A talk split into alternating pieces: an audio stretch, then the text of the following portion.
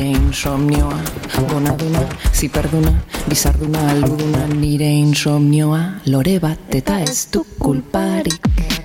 Nire insomnioa, plagiatzaile doilor nire insomnioa. Eraikitzen ari zirela, eunka erromatarril ziren akuedukto. Nire insomnioa, herrian elkartopatuko dugulakoan zure insomnioran Zero, Jana? Tunel bat, Tunel bat. zulatzen Bueno, Jana, eh, kaixo, zer moduz, zabiltza, zer moduzko gaua pasazu gauna, ala insomnio duna? Ba, egia esan, gaurko gaua ona izan da. E, ez, ez da zera, eh? baina egia esan, e, aste batzuk daramatza eta proak kaotikoak e, izan direnak, aurreko e, programan esan genuen bezala apruat e, jaungoikoa gure kontra egongo balitz bezala, eta atzora baki nuen e, goiz joatea lotara, eta egin dut lo espero baino lehentxeago esnatu naiz, baina tartenen ez esnatu eta eta oso ondo egia esan. Eta zu zer moduz, egoitz, espero dut ere notizia honekin etortzea behingoarren. Ba, bai, notizioak emango dizut egia esan da, banabil ondo lo egiten, e, deskansatzen, eta niretzako esan izan dut beste batzutan, ondo deskantsatzea dela jarraian e, lo egitea, hau da, esnatu gabe lo egitea. Gau erdian, bapatean, goizeko lauetan, ba, ba, ondela aste bete gertatu zizten bezala, goizeko lauetan e, esnatu eta ez, e, ba, ordu pare bat esna egotea hor irakurtzen, telebista ikusten, e, ditxosezko dokumentaloik ikusten, jena guretzako produzitzen dituenak e, Bai. insomnera hori egiteko. Eta, eta ez, ban, aste hauetan, azken, osea, azken aste honetan ongi, eta eta deskansatuta nago ere, bai. E, gauzat esango dugu, gaur ez dagoela, hori ez, zuk esan bezala, jainko gure kontra, gaur lehen, lehenengoan montatu dugula dena. Esan behar da, e, ni neu e, jainkoaren zigor bat dela eta trenean berandu iritsi naizela, baina iritsi naizenerako gure goitz maiteak dena prest zeukan, Bai. egin dugu lehen proba eta lehenengoan asmatu dugu nola jartzen den. Da, Ni talderen harro nago zutaz egoitz. Eskerrik asko, ni ere bainetaz. egia Oso behar Bai, zara. Ze, increíblemente lortu dugu lehenengoan gozak ongi ateratzea. Lortu dezu.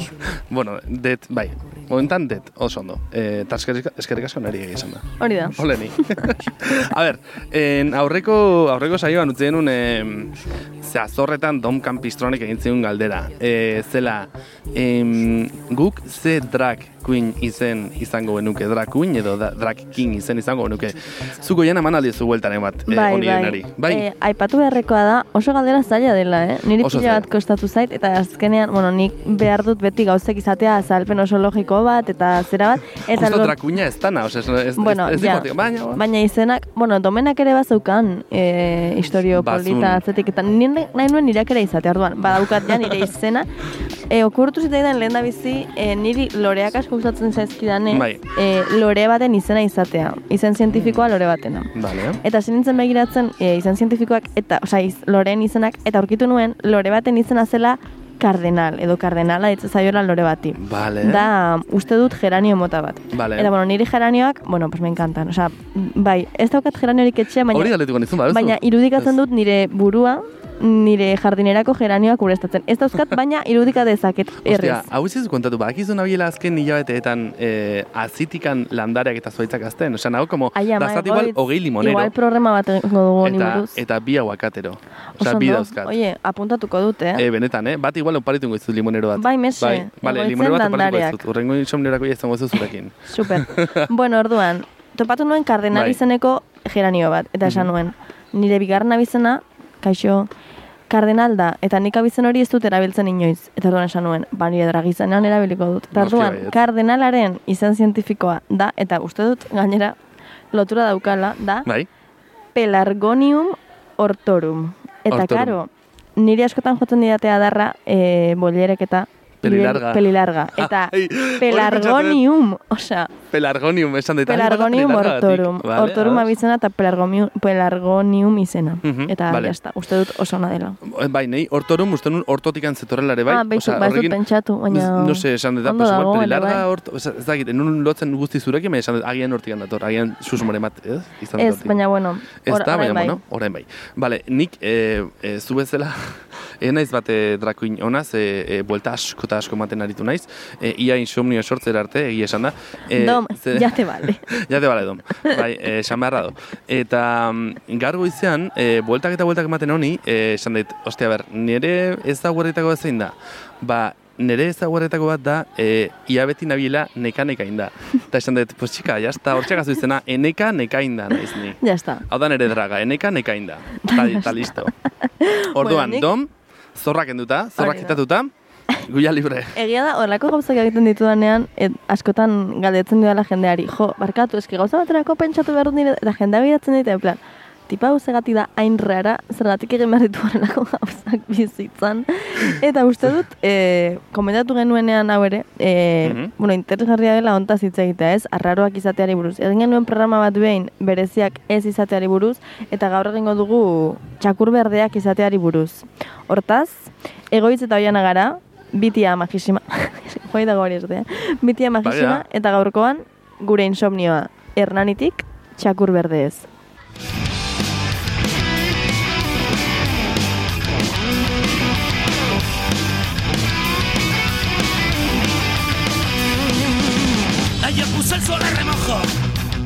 Quise volver a ser el perro verde. Hoy tengo los ojitos rojos. Estuve bailando con la mala suerte. Bueno, a ver, ekarri zut oiana, marearen el perro verde, por lo obvio, gaurko, gaurko saia zergatik. txakur berdearen inguruan. Baina, baitare, en, hau delako nere, nera bezaro gaztaroko musika.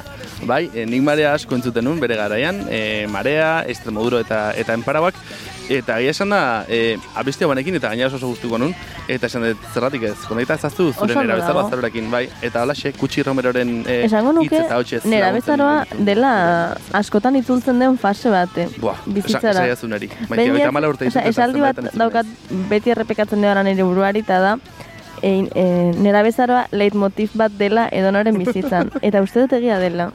Esango nuke baietz, ados Ba, zuentzat esaldi hori hartu nahi baduzuen. Bai. E, gaurko gaiarekin, e, txakur berdea, hau e, espainolez dakienak gehiago ulertuko du, dela e, badagomen esaldi bat, e, zera, en Espainian estatuan badago esaldi bat, dela eres más raro que un perro verde, hau da, zakurra raro bat, zakur berde bat, baina arraroa zera. Eta e, honen bueltan gabiltza e, saioan, saio honetan. E, arraroa, estrañoa edo maniatiko sinatxua izateren inguruan. E, zu hoiana, inoiz izan zea, txakur berde bat? Bai, mm, bai, uste dut baietz. E, eta egonaiz pentsatzen gauza zehatzen inguruan, baina ez ezkit etortzen uste dudalako oroar naizela. U- dauzkat oso mania txiki arraroak. Adibidez? E, Bakizu adibide gutzen zezkitela. Bai, ba, adibidez. Em, ni eser naiteke nire oe egin berriaren gainean erropa zikinarekin, kaleko erroparekin eser naiteke. Baina, erropa hori kentzen badut, ezin dut utzi gero nire oearen gainean. Por lo que Zentzu sea. gabekoa da, hortaz mania bat da, hortaz... Hori da. eh, hau da, arraro Bai. izatea. Bai. Eta gero, motxila utz dezaket, baina bakarrik gauzak e, ateratzeko bada. Gero motxila ez da geratu. Osea, eta ez da zikintasunarekin lotutako zerbait ze berdin zikintzen da, baina horrelako gauzatxoak e, asko, asko. Gero persiana zabalik Vale. egiten dut lo, naiz eta argiak molestatzen di. Osea, Hori bai, egiten duzu? bai, Wow, nik hori ez antifatzarekin. Ah, wow! Maite dut antifazak erabiltzen ditu jendea, orokorrean, osea, ez da bezala, como ezaguarri bezala. Nik maite ditut Ez antifazak dauka baditut, zentzurik, eh? Osea, bajatu ezakezu persiana, osea, baina antifazak emate dizun iluntasuna e, beste, ba- bestera batekoa da, ez da, ez da e, persiana jeistearen iluntasuna. manire gehiagelan bai. Bai, Baina, bueno, bai. berdin da. Vale. en, nik usten dut, ni izan naizela txakur berde bat, de hecho, eh, e, bua, ez dait, gogoratzen zaten batzuk gogoratuko zate, fotolog garaiat, garaiaz. Ni ez, Nere? baina badakit zer den. Gure belaunadiko jendea da, 20 bat, Ba, baina 20 ara zarragoa eta uste dut egunean argazki bat baino ez izan zitekela igo. Egunean ikusten ezakien Birrial eta tuentiren arteko fusio bat. Baina egin zen ezakien ez zenunean. Osa, hau da, zuk egunean ikusten ezakien argazki bat nahi zenunean. Eta erazpen idatzi gauztatxo eta labakizu intensaren egiten mila betzen ondal laro izazortzitik. Eta, eta, eta, orduan nik banun eta hango, e, zea, hango erabiltza izena, zakan, zan, gaina inglesez e, eh, naukan jarri eske. Ah, tio, entzelo, por favor. A ber, goiz. Nera bezaroan, nera. Zan green, laro izazortzi dok. Eta, Ai, eta hola xen, hau. eta hola xen, ba, bai, hola xen, ah, eske, hau aspaldiko. Green hori zortzi dog. Ah, sí. Adorable. Es que eta ume eta hori, zeinutxo asko bakizu eh, hola jartzituzunak arpeitxoak iteko tala pues emotikonak itzuen garaian baiten zian eh, zea puntuazio eh, zeinuekin arpeitxoak bi punto eta parentesi edo punto koma parentesi. Nik punto koma parentesi onar dezaket, zen bi punto punto- parentesi ez dut onartzen. punto koma marratxo parentesis Marratxoa, ah, da sudurra. como, karo, osatu haua da Ja, bueno. Eta ni naiz, eh, Bi puntu parentesi, ez dut kabrona, bialez ez dut bi puntu parentesi asko. Ja, bueno, Harremanetan barkatu. Bueno, e, banitzen e, txakurrera eta egia e, baneukala sensazio bat nola daite, e, zera, en, ba, ez dait, oinokerrakin ibiltzerena, bagizu, como ez, ez guztiz, e, e, ez dait, jendarte bai, baina ez guztiz, como bertakora basaitzen eutarena.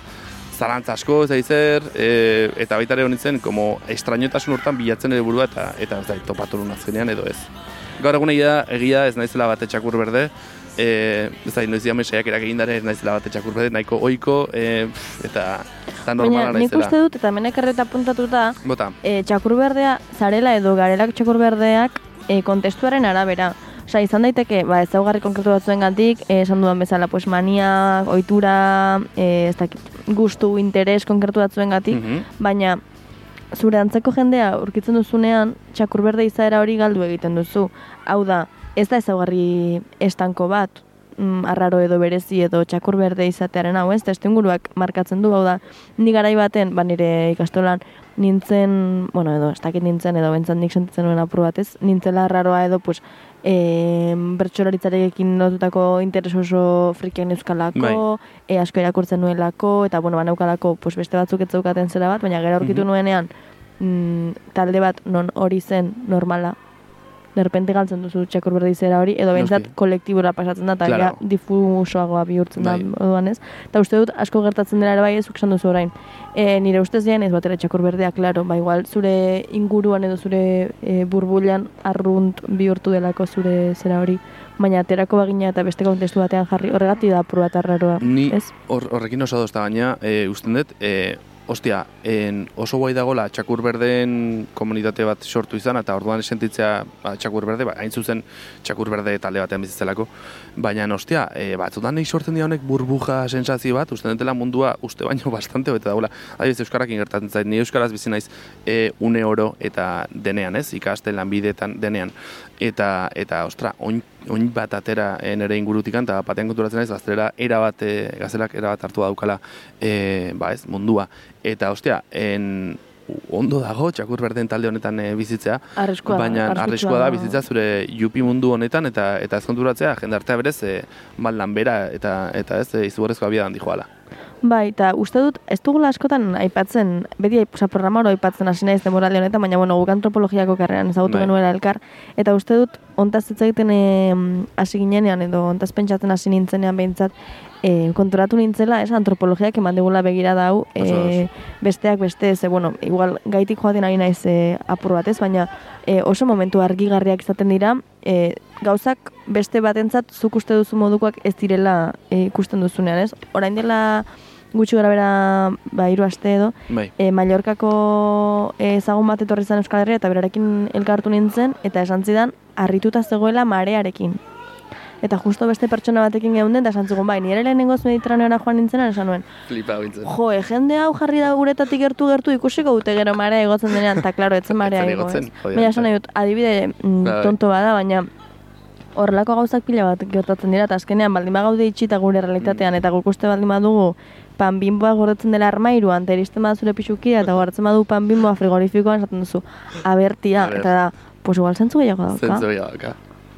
Behanik ez duka inoz horrek inboa frigorifikoan. Guk ez dugu gordetzen baina ezagutzen dut lagun bat hori egiten zuena, eta iruditzen zaitu zentzuzkoa dela. Ez que zentzuzkoa, da. Baina, claro, ez gu garmairua, hartzeko, ez da, pues, claro. Dena, dena esaten da hor. Da, tomate, da, barba. Bai, bai, Nik bai, eh, kontuarekin, eh, horrekin konturatzen izan un eh, bikote bat bere garaian, Kataluniako ere bai, eta hain zuzen horrek harritzen zion pila Maren kontua, eta zen como, "Bueno, chico, ez daude Marea leku guztietan munduan. Obviamente ez, ez daude. Eta Bai, como, aipatu- wow. Nik aipatu lagun hau pasaian egon zen, eta esaten zuen, eske, orain ikusten duzu eh, portuan gurpil bat bakarrik ikusten da, baina eske gero gaudean Claro. igual, hiru eta erdi, eh? Eta, como, ja, bai. Baina ez, osea, Wow, harridura bai. hori izaten duzula. Bai, Deno bai. dakigu mareak existitzen direla leku batzuetan diferente, ez dakiz zer, baina eh, sorpresa, eta uste. Ja. dut gauza bera gertatzen dela arraro izatearen zera honekin ere be. Ez? Ba, bai, ni oso dauz, bai, eta, eta, bueno, en, zerbait gehiago esan nahi zuen, ba, aztu nintzai zer esango nizun, hortaz, em, arraro izateren inguruan, agian, e, osea, arraroak bai markatzen du, osea, arrarotasuna ez du norbera markatzen, baizik eta jendartea markatzen du. Hortaz, hortaz hitz egiteko jarriko dizugu abesti bat dela 2015ko arrakala dokumentaleko dokumentazio zoragarri eta bea. horretako e, banda sonora, e, napokaria eta, ai, napokaria, nun dago napokaria maitia. Bueno, Oso ondo mize, baina... bai, entzuten dugu. zen, bai, entzuten dugu. Eta, eta napokaria eta lasti party DJ-zen artean egin dako abestitxoa, bai? Eskertzen Eta- ze superraztuta neukan. Buah, kantu zer, honen arrakala edo existentzia. Eh, Ez, ez, ez, kantua. Arrakala bestia, Bai. zoragarria. Jarri, jarri. Jarriko dugu. Izenute Orman sortzen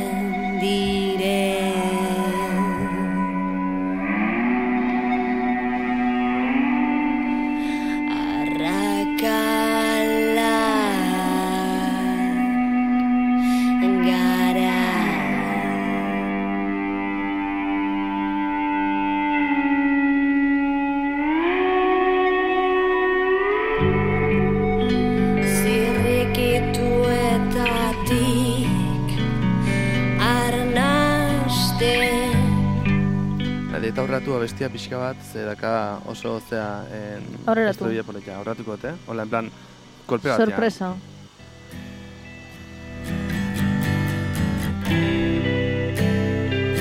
Horen, eta hor pixa subidoia. Abesti, holako bestek subidoia izan e, badezakete. Bai, ba, izan dezakete. Izan Badute. dezakete. Honek badu. Badu. Horen, eta horre, segitu. irautza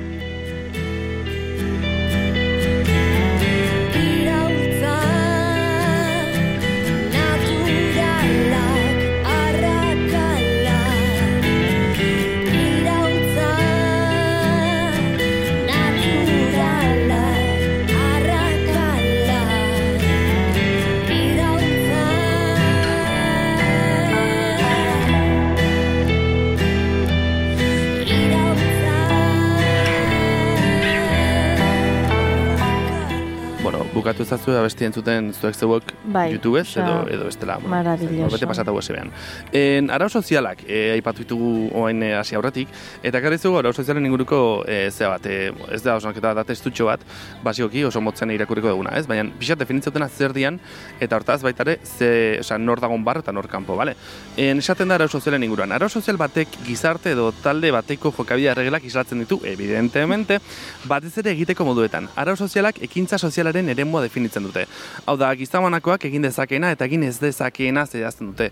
Talde edo gizarte bateko balioak eta ideal nagusienak gorpuzten dituzte. Arau edo lege hauek ohituraren bitartez txertatzen dira gure gorputzetan eta argatik dira arriskutsuak sarri. Ez dakigulako nondi datotzen eta beti hala izan da maskararen atzean ezkutatzen direlako. Eta hemen daude bi arau mota, bale? Esango zu, jo, egoitzen beno, txapazo, baina interesante dut zait.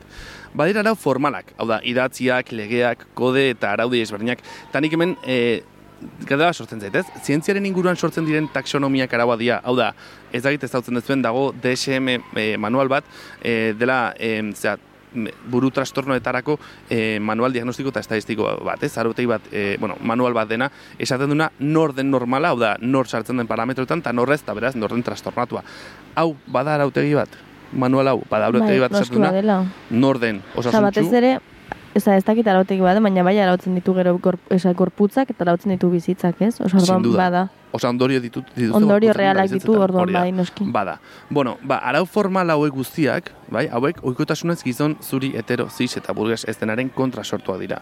Eta behiratu ez dela, e, nola neraik eure jendartea. Eske dena, dena Guztia. dago. Osea, orain dela urte bete edo irakurri nuen prentxan, e, izan zen, mugatu zituztenean e, aire kondizionatuaren temperaturak eta bar, hegazkinetan hor ere, bai. e, zegoela e, hartuta temperatura Mm. normala edo behar den temperatura gizonen, osea gizon ziz zeraren e, gorputzerako orduan e, beste personak zeudela kondenatuta edo beroa edo hotza pasatzera.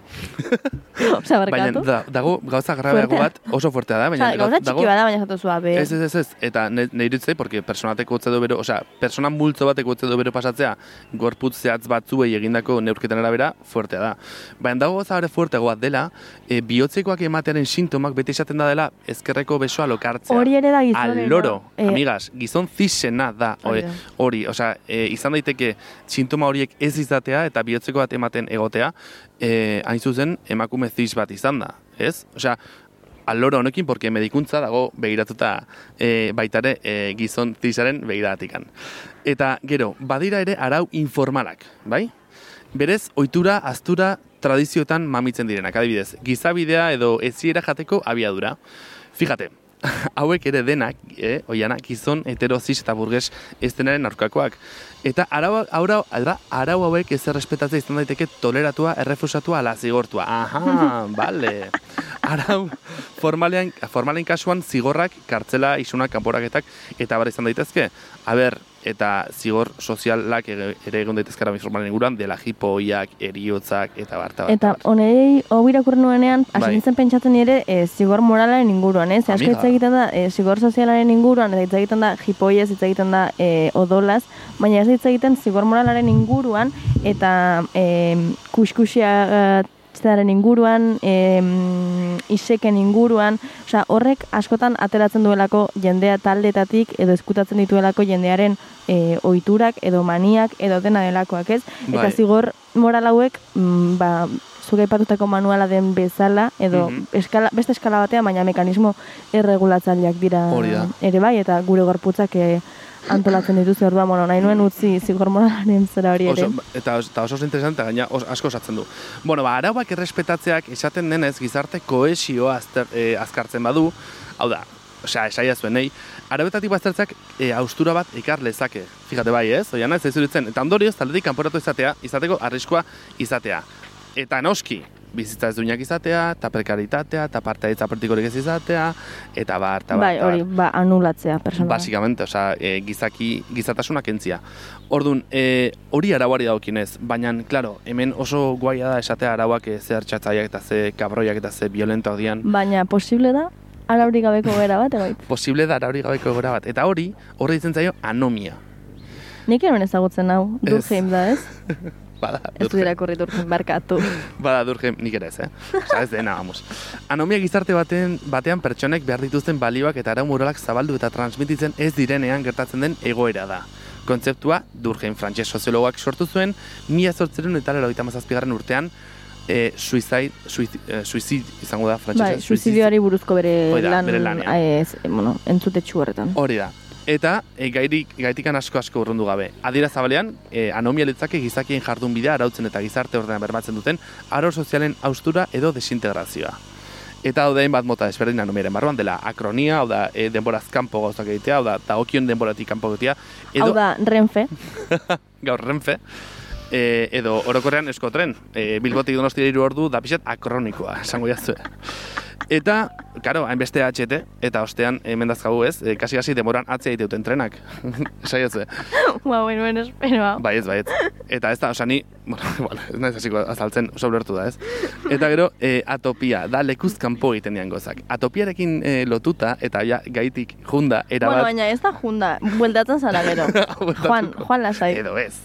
En atopia, e, bado rol jolas bat, e, ikusten bali mazute, bueno, sartze bali mazute atopia.eusen, da, em, jo, ez zait, nola, zen RTG e, kolektibo, bueno, zait, da kolektibo zabal bat, e, txakur berdez osatutako em, e, kolektiboa, zeinak egintzun bere momentuan e, rol jolas bat, konbidatzen zaituzteguna en Uste dut, arakatzera Durangoko favorez. azokako beka, Hori irabazi da, zutela, hori da, sorkuntza beka. mila euroko Bai. beka, ostean erabili liburu bat, olakoa. Bai, liburu, da, karo, masteraren liburua, eta Bai, da, bueno, dakit ez pura idura. Da, eh, nik badauka liburua, behin utziko izut ikusten eske da, egitan, osea, hasi eta buka fantasia da. Eta hemen hartu zuten parte nortzuk? Ba, txakur berdez osatutako tal- talde batean nortzuk parte hartu e, irudikatzen rol jolas guz, e, guzti hau? Ba, txakurgorriako e, partaideak. E, bueno, ze, gu txakur berdez e, ari ginen zeratzen, baina gero akordatu zitzaigun txakurgorria sormen kolektiboak ere, bueno, pues, aldarrikapen e, horrekin edo arrarotasunaren zera horrekin edo diferente sentitzaren zera horrekin e, sortu zuela txakurgorria izena ere ez, eta bueno, igual Euskarara ekartzeko egin zen e, alegin horretan ere pues, balio digu e, kolore aldatzeak eta beste leku batetik ikusteak. Hortaz, bueno, hemen bi gomendio, e, alde batetik atopia rol jokua, baldin eta rol jokoak interesatzen baldin bat ezkizue, ni naiz bat ere e, jaioa olako gauzetan, uste dut ez ditu ala ulertzen, hasi egun batean e, itzaten dezakegu hontaz eta jolastu nahi bauzu, baina... Ba, nik ato, inoiz denez jolastu joko bat, baina entan ere desira hundietako bat. Jolastea anta. Saiat, ez dakit jolastu balko dugun, saiatuko gara jolasten. Eta bestalde, ba, txakur gorria e, sorben kolektiboa, hainbat lan dauzkate argitaratuak liburu formatuan, e, ilustrazioak eta bar, berrian ere idazten dute do, zuten. Hortaz, ba, hori, e, jaso nahi bauzue, hortzen, helduleku batzuk. Eta jarriko dugu kanta, gure Bat. kanta. Eta kontun izan ez dela berez hasiko hasieratik saio bat, ulertuko zu gero zer. Nire insomnioa, Wyoming edo beste edo zein estatu karratu Nire insomnioa, idi baten sabel. Taupatia. Nire insomnioa, erbi eiztari nire insomnioa Baloi medizinal nire insomnioa Atetik sartzen ezten, altzari Nire insomnioa, egunez sekula idatziko ez ditudan ideia maisu maestrazkoak nire insomnioa, bilana bilen eta aurkitu ez dudan. Nire insomnioa aurkitu dudan eta bila ez nen bilen. Nire insomnioa baiezko hotzanen mamuen damu amu. Nire insomnioa egaldatu ez den kometa baiketa. Nire insomnioa Batman balitzor beltza. Nire insomnioa Jesus, don't cry, don't cry. Nire insomnioa emearen eta enearen arteko labar eta bar. Nire insomnioa hitz pornografikoekin balizatutako itxasoa. Nire insomnioa bergaran besarkada. Nire insomnioa ituna itogina nire insomnioa. Kojo manteka, kaiser zoze erren pilaketa. Nire insomnioa, gonaduna, ziperduna, bizarduna, albuduna, nire insomnioa, lore bat eta ez du kulparik. Nire insomnioa, plagiatzaile doilor, nire insomnioa, eraikitzen ari zirela, eunka erromatar hil ziren akuedukto, nire insomnioa, herrian elkartopatuko dugulakoan zure insomnioran. Tunel bat, zulatzen, zure insomniorantz,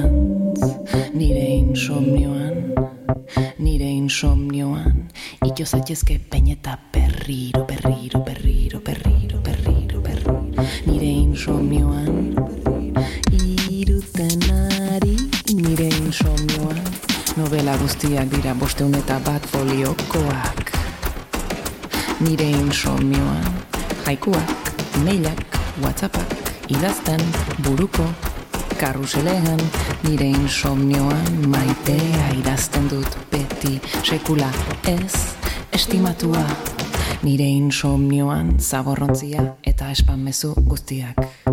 Nire insomnioan, Brad Meldau, nire insomnioan, Brad Meldau, nire insomnioan, Brad Meldau, kontzertu bostean, bakarrik erretzen, guabaseko izkinan. Brad Meldau, nire insomnioan, nire insomnioan, lan zerrendak eta hildako lagunen, suizidioak, nire insomnioan, larrua jotzen, ari zela, okerreko izena, esan du, bizi lagunak. Nire insomnioan, ura edan eta oditeriak marru!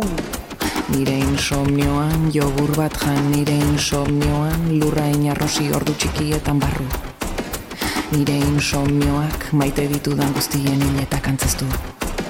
Nire insomnioak, Michigan laku izoztuan aurreskua dantzatu. Nire insomnioak, banku korronteko zenbaki gorriak, bronte, aizpak, eta axular, irakurri ditu. Gaixotasun guztiak, nire insomnioak, prospektuak oro, nire insomnioak, saminean laguna mets biribilak irabiatu eta birrindu, nire insomnioak, ameskaiztoen metralla egurrezko abeetan, nire insomnioak, intxugi pitzadura urrezko, nire insomnioak, loaren real politika aldarrikatzen du. Maite musikari polifazetikoa da. Musikarien artean esan dezagun zakur berde bat.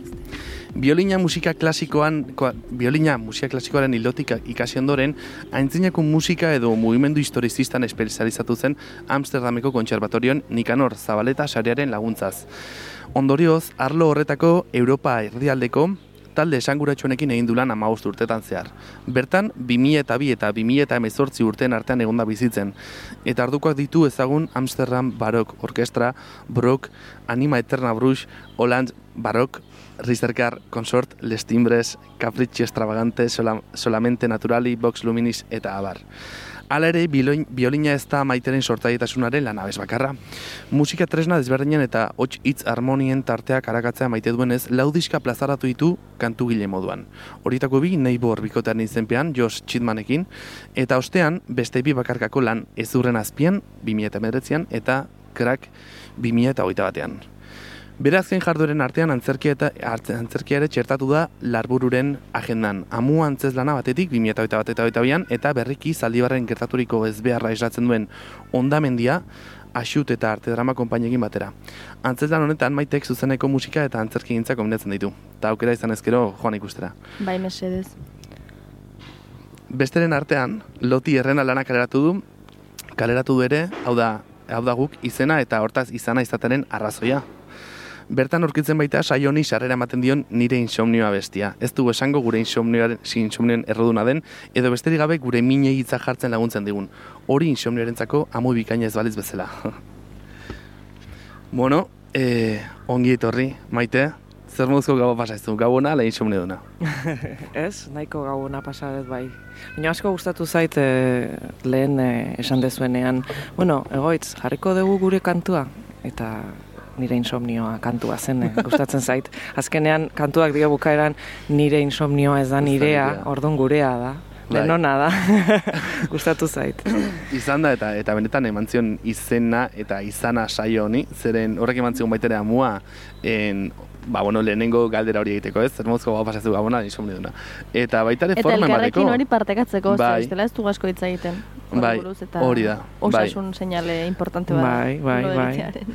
Hori da, hori da. Bai, Eta- loti errena diskoa edo, bueno, kolektibo, zart kolektiboak egin zuen lan hori horren Mm. inguruan jolasten da. e, zer da esna egotea, zer da lo egotea, batzutan begiak irikita lo gaude, bestetan begiak itxita esna gaudenean baina esnago, eta horrela, horrela sortu zen kantu hori nire insomnioa. Bai, nik aipatuko dut gauza kurioso bat gertatu zitzaidan zurekin, baina zuk ez dakizuna. Eske, bueno, nik, bueno, hilabete, azken hilabetea urria izan zen nahiko gogorra nire bizitzan, ba, gauza pila batekin aritu nintzelako, aurrera eta atzera, atzera eta aurrera, trenean, autobusean, ez dakiz ez Eta, hilaren hogeita batean, e, larumata zen, eta netorren berandu trenetik, joan behar nintzen etxera, presaka ez dakiz eta ni bizi naiz donostiko aldezarrean. Eta orduan groseko renfeko geltokitik nire etxera nindoala, super agobiatuta eta super aserre munduarekin, bat batean, e, okendo plazan, e, zeundeten zu musika jotzen eta kukaikoak e, dantzan. Eta izan zen, behitu, pues galitu nintzen apur bat ikusten, eta izan zen, bueno, bai, jazta, gaurko egunak beste, beste mo batera funtzionatuko du. Eta bueno, hori partekatu nahi. Ze polita, eskarrik asko. I, e, Olioipurdia nola transmititzen da erratitik? Bai, hola Olako zerbait, ba, olioipurdia jarri zait. Ze polit. En, bueno, duela hilabete pare bat, oi hartzunen kontzertu sola saldia egiten aritu zinan, eta bertan hainbatetan entzun genizun zakur berde izateren inguruan solasten. Zer da zuretzat txakur berdia izatea? Gauza normala. Ze, karo, nire buruarekin bizi naiz, eta txakur berdea naizela esan diate hainbatetan, txakur berdea edo normatik ateratzen dan zerbait, baina, karo, ze, ni ohituta nago, orduan e, niretzat normala dala esango genuke. Saiakera asko egin ditut urteetan zehar norman e, enkajatzeko, Mhm. e, batzutan uste nuen superaturik neukala, ez ja onartutan ere txakur berdetasuna, baina oraindik batzutan ere burua harrapatzen dute e, norma horretan enkajatu nahian, eta hori esan diezazueket nire txakur berdetasunetik, ba hori, ez, ez zait, e, kosta egiten zait enkajatzea, ez? Eta, bueno, urteekin edo adinarekin datorren zerbait agian bada ohartzea azkenean inork ez duela enkajatzen norma horretan. Eski hau da, eh, esan ezin den eh, arau bat baita ere ez? Eh, Txakur Bai, berde ez bihurtzeko, ben, uste denak garela, hein handi batean nahiko berde eta estraño. Claro, eta denok badin bagara inorrezta, eta Hori da. osa betiko... Baina batzuk gehiago dira, e, Bai, arauaren bai, parte bai, beste batzu, baina hori ere Bai. egia da. Baina egitan, ez da egin baino, osea, nik adibidez, e, e, ba hori ez, e, arautik ategotea, bueno, LGTB izan da adibidez, baina bat nahi aukera bat, arauak kanpotikan begiratzekoa, eta kontziente egitekoa zenbat herritu txikin bitartez, e, bermatzen eta berregitzen, berregiten den araua egunerokoan zehar ez, eta, eta heteroek orokorrean galetzen ez dituzten bat galdera eginda, e, eta hasiko balia egiten haiek ere bai, orokorrean, e, hasiko liake konturatzen haiek ere, nola hainbat e, kontu bortxaz egiten ditu- dituztela, hain zuzen, ba ez berdetzeko. Eta esatezu tu, e, agian interesgarria balitzake. Bai, eta uste eta arazo handi badala gure gizartean duela ez hainbeste eh, lagun batekin izketan bera psikologoa da eta esan zidan orokorrean etortzen zaion jende askoren ala, arazoa dala adin batetik aurrera ohartzen dirala beraiek bere burua eh, zertzen edo bere burua identifikate, identifikatzeko zeukaten arau hori edo identifikazio hori austentzenean ba, jota geratzen zirela bapatean, baina nor naiz espaldin ba naiz ama gehiago, edo nor naiz espaldin ba naiz ezakin noren emaztea, edo nor naiz irakaslea izateari utzi badiot, edo edo gazte izateari, orduan identifikazio guzti horiek gure buruari jartzen dizkiogunak, eh, zerbaiti eusteko, egoak behar dituen eh, bueno, ba, ba, arau edo, edo neurri hoietan sartzeko, klasifikazio hoietan sartzeko hoiek utxe egiten digutenean, orduan hasten gara, agian gal, galduta sentitzen, baina agian hortxe dago interesgarria dena, ez beste hainbat identitate aurkitzeko, jantzteko eta erantzteko, ze azkenean jolas bat da, ez? E, bai.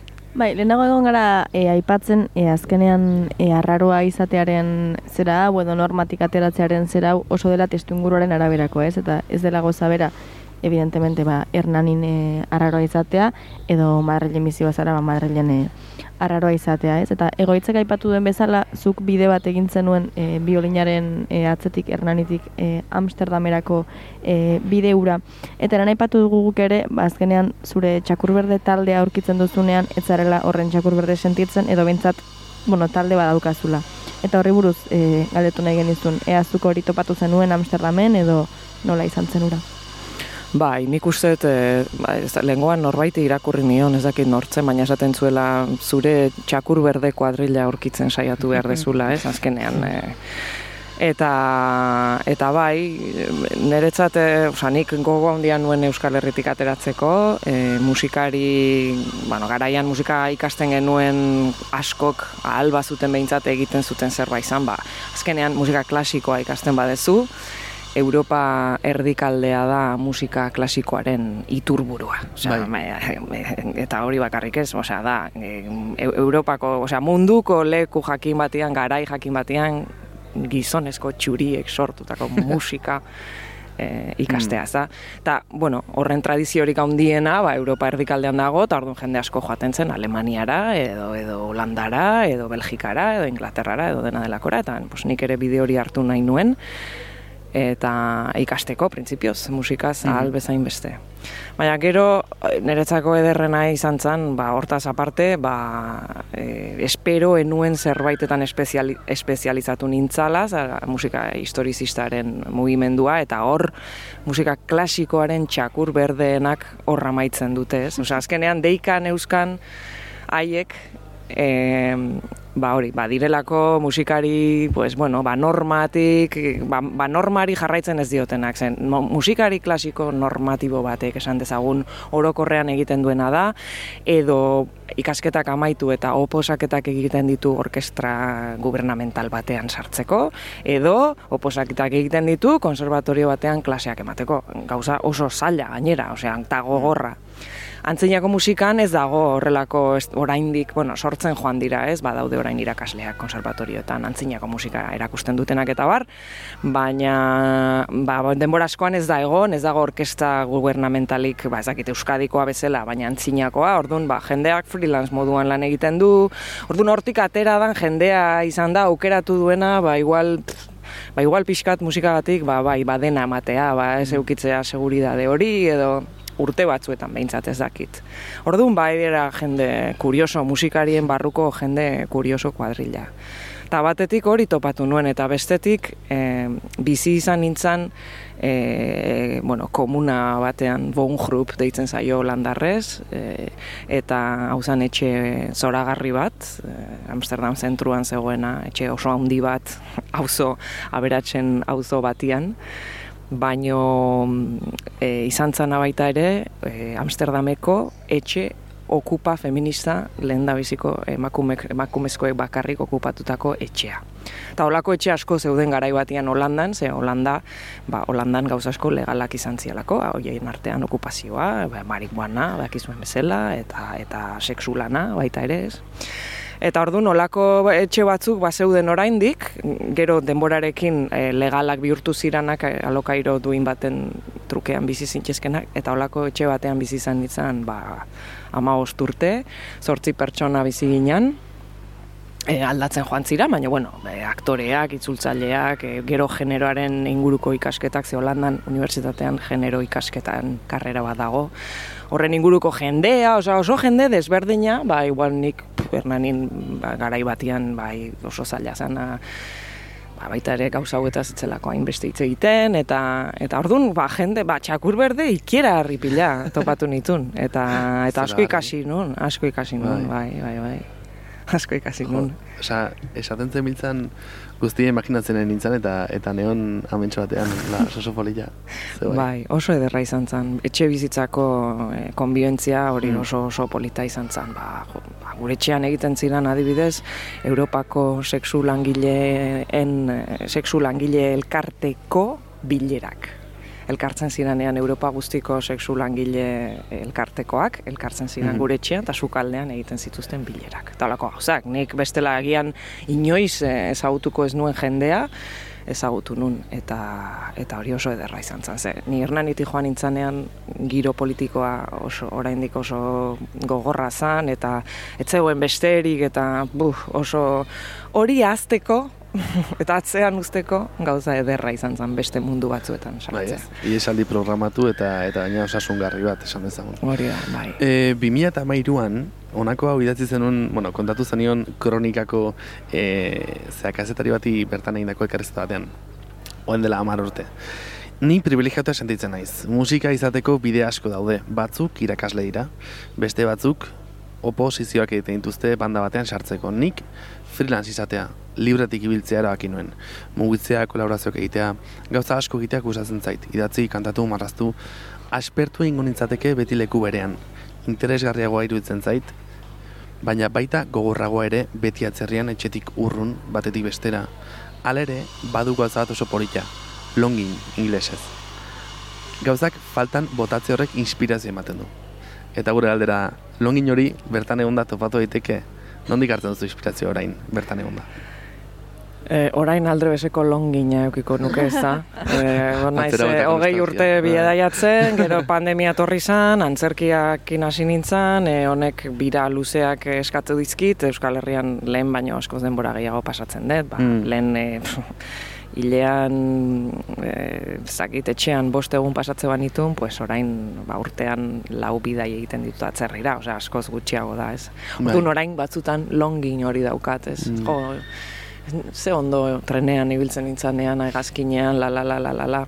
Osea, longin hori azkenean e, atzerrian ibiltzeak ez dizu ematen. Longin hori da, nostalgikoak geranok, hori ere beste txakur berdetasunaren, bueno, ez dakit, gaixotasun. Bai. Ba, nostalgia eta melankoliatsuak eranak, musikari asko, ba, longin hori beti daukagu, e, ba hori, ez dakit, agian gizakiaren gauza da. Besteak eh, daukana nahi dezu edo nahi dezu...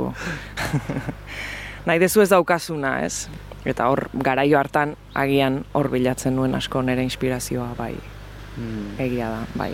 Eta orain, nondik edaten duzu? Bueno, orain, azken garaian, egia esaten baldin maizut, e, gauza asko, osea, sormenaren, osea, nik kantuak sortzen nahiko berandu hasi nintzen, eta ordun e, hasi nintzenean, detengabe bidaian ibiltzen nintzen atzinak musika egiten, ordun niretzat, ba, eskape bat zan horretatik, ez? Iesbide bat, ba, hizkuntzarekin jolastea, kantua sortzea, beste instrumentua jotzen ikastea, klasikotik aparte. Eta gero ona etorri naizenean, Euskal Herrian antzinago musika ez da, ez da egiten, ez dago aukera hondirik horretarako. Orduan, hori bihurtu da hemen nire egiteko nagusiena eta jendeak eskatzen dizkiten karguak, ba, kantuak sortu behar dizkion norbait, edo pelikula aterako, edo podcast, orduan, bihurtu da gehiago nire lanbidea, eta orduan, bueno, mm, asko, beti behar dezu inspirazioa, baina bihurtu da baita ere, pues, eh, egiteko bat, behar dezu horretarako teknika bat, modu batzuk, eta bueno. Eta inspirazioa, bueno, ba, askotan saiatzen naiz nire burua sendatzen. Olaxe, a ber, e, noski, bez, e, e, olerki bat ematen badizute, ba, horrek inspirazioa emango dizu, e, hortik kantu bat sortzeko. Edo, bueno, ondamendia egiten ari ginala, pues, gai horrek, ba, musika, ze musika sortu, ba, piezaren arabera, ba, ondamendia, olako gaia, zaldibarreko luizia, lurra, gauza bat, ospixua handia zuena, ba, niretzako musikak behartzuen izan, espaziora edo pixurik gravitatearen indarrik etzuen zerbait. Ba, kontrastea sortzeko, ez? Ba, horrelako gauzak eta eta eta gero saiatzen naiz musika hori sortzen dudanean zerbait egitean neri nik interpretatzen dudanean neri ekarriko didana zerbait. Orduan, e, nekatua baldimanago, ba, esnatuko nauen zerbait, edo oso, oso aserre banago, ba, lasaituko nauen zerbait, edo horrelako zerbait. Eta hortik datoz zezurren azpian, ez? Eta bertako gona, kateko ratzarena, maleta duen gaintalea, maitalea, eta baita ere, krak, e, disko emi eta batekoa, e, amur, o, edo, hau arraro, marabillosoak e, barna biltzen dituna. Bai, bueno, horre, zurren azpian diskoa pixkat bueltako diskoa izan zen Euskal Herrira bueltatu Mhm. nintzanean, orduna hemen aurkitu nitun gauza asko daude islatuak eh, disko horretan. Eta krak berriz, ba, igual da gehiago disko bat austura, eh, bueno, pandemia betean sorturikoa izan zen, orduan krakek bat bai gehiago duela austuratik, baino austura beti ere gauza e, baikor bezala, ez? Austen garela, esan zuen, eh, ezakit Hemingwayk edo Koenek nork lapurtu zion nori, edo seuraski biek lapurtu zioten emakume bati eh? aspaldi batean. Seguru. Anonimo bat. Eh, eta esan zuten eh, puskatu egiten garela, edo beti dagoela zerbait hausten dena gure baitan argia Mm. eta aizea sartu da Mm. ba, ba hori da pixkat krak eh, horti doa. Bai, eta bueno, ja, e, hitz egin dugunez ez, e, itzulerako diskoa izan zela e, zurren azpian, gero ja pues, beste denbora batekin egindako e, crack diskoa ere bai, eta galdetu dizugulen e, Amsterdamen topatu zenuen e, txakur berde kuadrilaren inguruan, ez? Baina, Bai. bueno, ba, pentsatzen dugu, ez? Euskal Herrian ere topatuko zenuela e, antzeko zerbait, eta lehen ere aritu gara e, zart e, kolektiboaz, ez dakit e, funtzio bera bete dezakeen talde horrek, edo zer Mm, bai, hor badaude noski txakur berde batzuk, e, bai, oso berdeak baita ere, bai ez, e, hor, bueno, e, azkenean hori izan da gehiago niretzako, ez, beraiek, beraiek elkartu ziran ni beranduago sartu nintzen hor, nire lagun handia arkaitzkan odalako eta bera, bertan zegoelako eta eta azkenean zelako ba, sortzaileak bakarrik e, pasa behar dituen beldurrak edo, bel, edo pa, bakarrik, gauzei aurre bakarrik egin beharrean ba, babes pixka batekin egiteko aukera izan Bai. zan, ez? Eta, bueno, azkenean zart esperimentua da, ze, egia da hor parte, o, kolektiboko parte garenak oso pertsona desberdinak gerala, eta adibes loti errena, di, ba, ba, gure lehenengo lan aman komuna izan zen, esperimentu moduan, eta eta bueno, gauza batzuk funtzionatu dute, beste batzuk ezain beste, baina bai egia da, niretzako igual txakur berde kuadrilla baino gehiago, babesa izan da, ba, bueno, ba, disketxeekin da harremanak aldatzen joan direlako, garai batian pues, behaiek moitze zuten dana, baina gaur egun jendea hasi da gehiago bere kontura lanak ateratzen, ba, bazegoelako monopolio bat eh, artistaren zapalkuntza Bai. txiki bat disketxen horreko bide, eh, eskutik, eh, ez beti noski, baina bai, eta orduan, bueno, pues, pixkat horri aurre egiteko pixka bat eh, banda eh, ba- babes, banda. bai, ba, ba, gaizkile ba- banda bat elkartua, elkar laguntzeko pixkat, eh, handien kontra, horrelako zerbait, bai. Bueno, eta iraganaz e, aritu gara eta etorkizun hurbilaz ere galdetu e, nahi dizugu maite. E, jakin dugu hilaren e, hogeita bostean, azararen hogeita bostean, eran asetienekin batera kontzertua egingo duzula hementxe, Hernanin. Ez dakit, kuke itxura berezia e, hartu diogu kontzertu horri, eta ni, ezingo naiz etorri, baina e, pena handia daukat. Eta ez dakit zuk ze gorputzaldi daukazun kontzertuetarako, ez dakit egin duzuen elkarrekin beste zerbait, edo zer izango den zuentzat hau. Bai, u- e, bueno, e, Elena aspaldiko laguna da, nik Donostiko konservatoriora salto egin nuenean esperientzia traumatikoa izan zen gainera. Donostiko konservatorioan ikasten hasi nintzenean, e, bertan ezagutu nuen lehendabiziko pertsona izan zen, eta bu, izan zen ezagututa, oh, Elena! Gainera, ni baino bi urte gehiago dituta, iruditu zitzaian ja oso heldua eta pentsa, txorakari bada, baino eta eta orduan aspalditik ezagutzen dugu elkar, gero bere bidea beti jarraitu dut, ze berak bai txakur berdearen bidea egin du baita ere, ez bera klasikotik urrundu zan, jazzaren munduan sartu zan, jazz esperimentala. Eta gero bukatu dugu biok berriro hemen, eta gogoa izan dugu beti zerbait elkarrekin egiteko, eta hoi gauzatu zen aurten lehendabizikoz udaberri aldean tabakaleran kontzertu bat egin genuen elkarrekin, eta gaia zen eh, industrializazio aurreko eh, soinuak.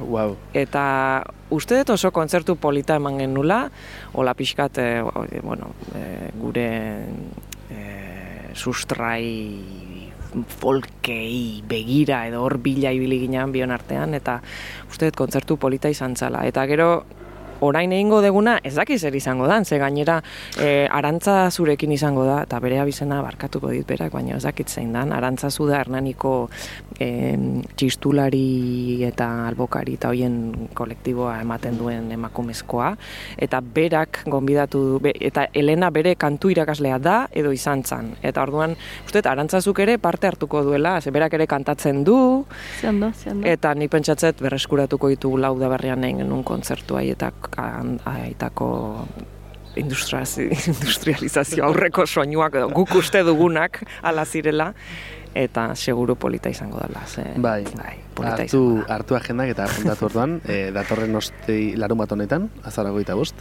e, hemen erranin e, Elena Setien eta eta Maite Larburu. Eta bueno, e, Maite, orain arte galderak guk zuri egin dizkizugu, e, egin izazkiguzu zuk guri. Zer nahi, zer nahi duzu galdetu? E, ni galdetuko nizueke e, maian gainean daukazuen oial loredun zoragarri politau nondik atera zuen. Eske txundituta nago eta gainea ikuitzen dut eta hau zeuraski al, e, algodoia izango da, ze oso zakit. Ba, Oso polita ez da oso romantikoa Ez, ez. historia, egia esan. E, guk erabaki genuenean, bueno, hau camping formatuan egitea, esaten dugu bezala ez, el, bueno, mugikorra Bai. izatea bintzat. Joan ginen e, naizera, e, materiala hartzera, eta hartu genuen maia, ez esan. Eta hango langileak e, gurekin harremana egiten duenak esan zegun, eta tela hau daukan nahi baduzue hartu, sartu zegun e, zera, kajan, Bai, eta heldu ginen arrasatera zen genuen, "Ah, Polita. jarriko dugu, Bai. eta hori da. Joe, ba, oso polita eta gainea Bai. iruditzen zait insomnioarekin badaukala zerbait. Ez dakit, hola beltza izateak eta Ja. gero loreak azaltzen dira loreak, loreak dirala gauza oso bai, lurrina askatzen dute, askotan oso agobiantea da usain hori insomnioarekin izan lezake zerbait, batzuetan insomnioa agobiantea da, bestetan ederra loreak bezala, bai, gustatzen zait. Jo, gustatzen zait, porque maite garro etorri zait, eta eman diozu lehenagotikan gure saiori izena eta izana, eta gaur eman diozu ja, como gorpuzten zabiltza orain ja, gure telarekin, eta... Bueno, uste Zara. dut, zuek gorpuztu dezuela. Osea, azkenean, denok ibiltzen gera besteen gandik gauzak hartzen. E, hori Bai. horrela da, ez duenak hori onartzen, uste dut, bere buruari gezurra esaten ari zaiola. Denok hartzen dugu denetatik, horregatik gara denok organismo bat, txingurri askoz osatua. Nik uste zuek eman diozuela guzti honi forma, ni ari naiz nire interpretazioa egiten. Bueno, lapurtuko dizugu akaso Bai, interpretazio bai, eta bai. egongo gara mendik horrela esaten bai, eske lotura dauka insomnioarekin gure tela honek. Bai, bai, hori da, lapurtu hori, eh, kan, kanok esan zuen uste eh, plagioa kopiatzea dela, baina ongi, ongi, benetan ongi eh, plagiatzen duenak lapurtu egiten du. Arrazoia.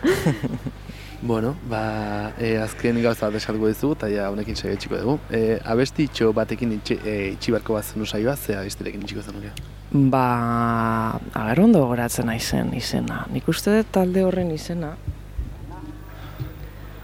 A ber, diskoaren izena da Sutari. Sutari. Eta... Etxoin, eh? Diskoaren izena da Sutari. Gero kantuaren izenak oso zailak dira. Ezingo, ah, Viano, W-rekin, Viano deitzen da taldea. Eta eh, diskoak izena du Sutari. Eta hor dago kantu bat, bueno, lehen oso ederra da, kulpa notxika, adibidez. Nahiko txakur berdea dira, iruneska dira, e, folk, folk egiten dute, duela gutxi lagun erdi poloniar batek bidali zidan, eta asko gustatu zitzaidan. Batzutan erabiltzen dituzte gauza oso soilak, ezakit, e, e, tostadak egiteko tostadora bat, edo, edo ilea lehortzeko gailua edo botila bat urarekin, kolpeak emanez, baina asko gustatu zitzaidan e, egiten dutena eta agian izan liteke politazun programaren zarako. Bueno, ba, honekin e, itxiko dugu programa, eskerrik asko maite etortzearen eta hain gauza ederrak e, kontatzearen. Hau izan da gaurkoz e, gure insomnioa, espero dugu hemendik eta abendur arte ondo egingo zuela lo aldela. Eta abenduan, e, abenduko hirugarren e, igandean berriz hemen naiz izango gaitu zuen. Eskerrik asko. Horren arte, maite. agur. Bai, agur.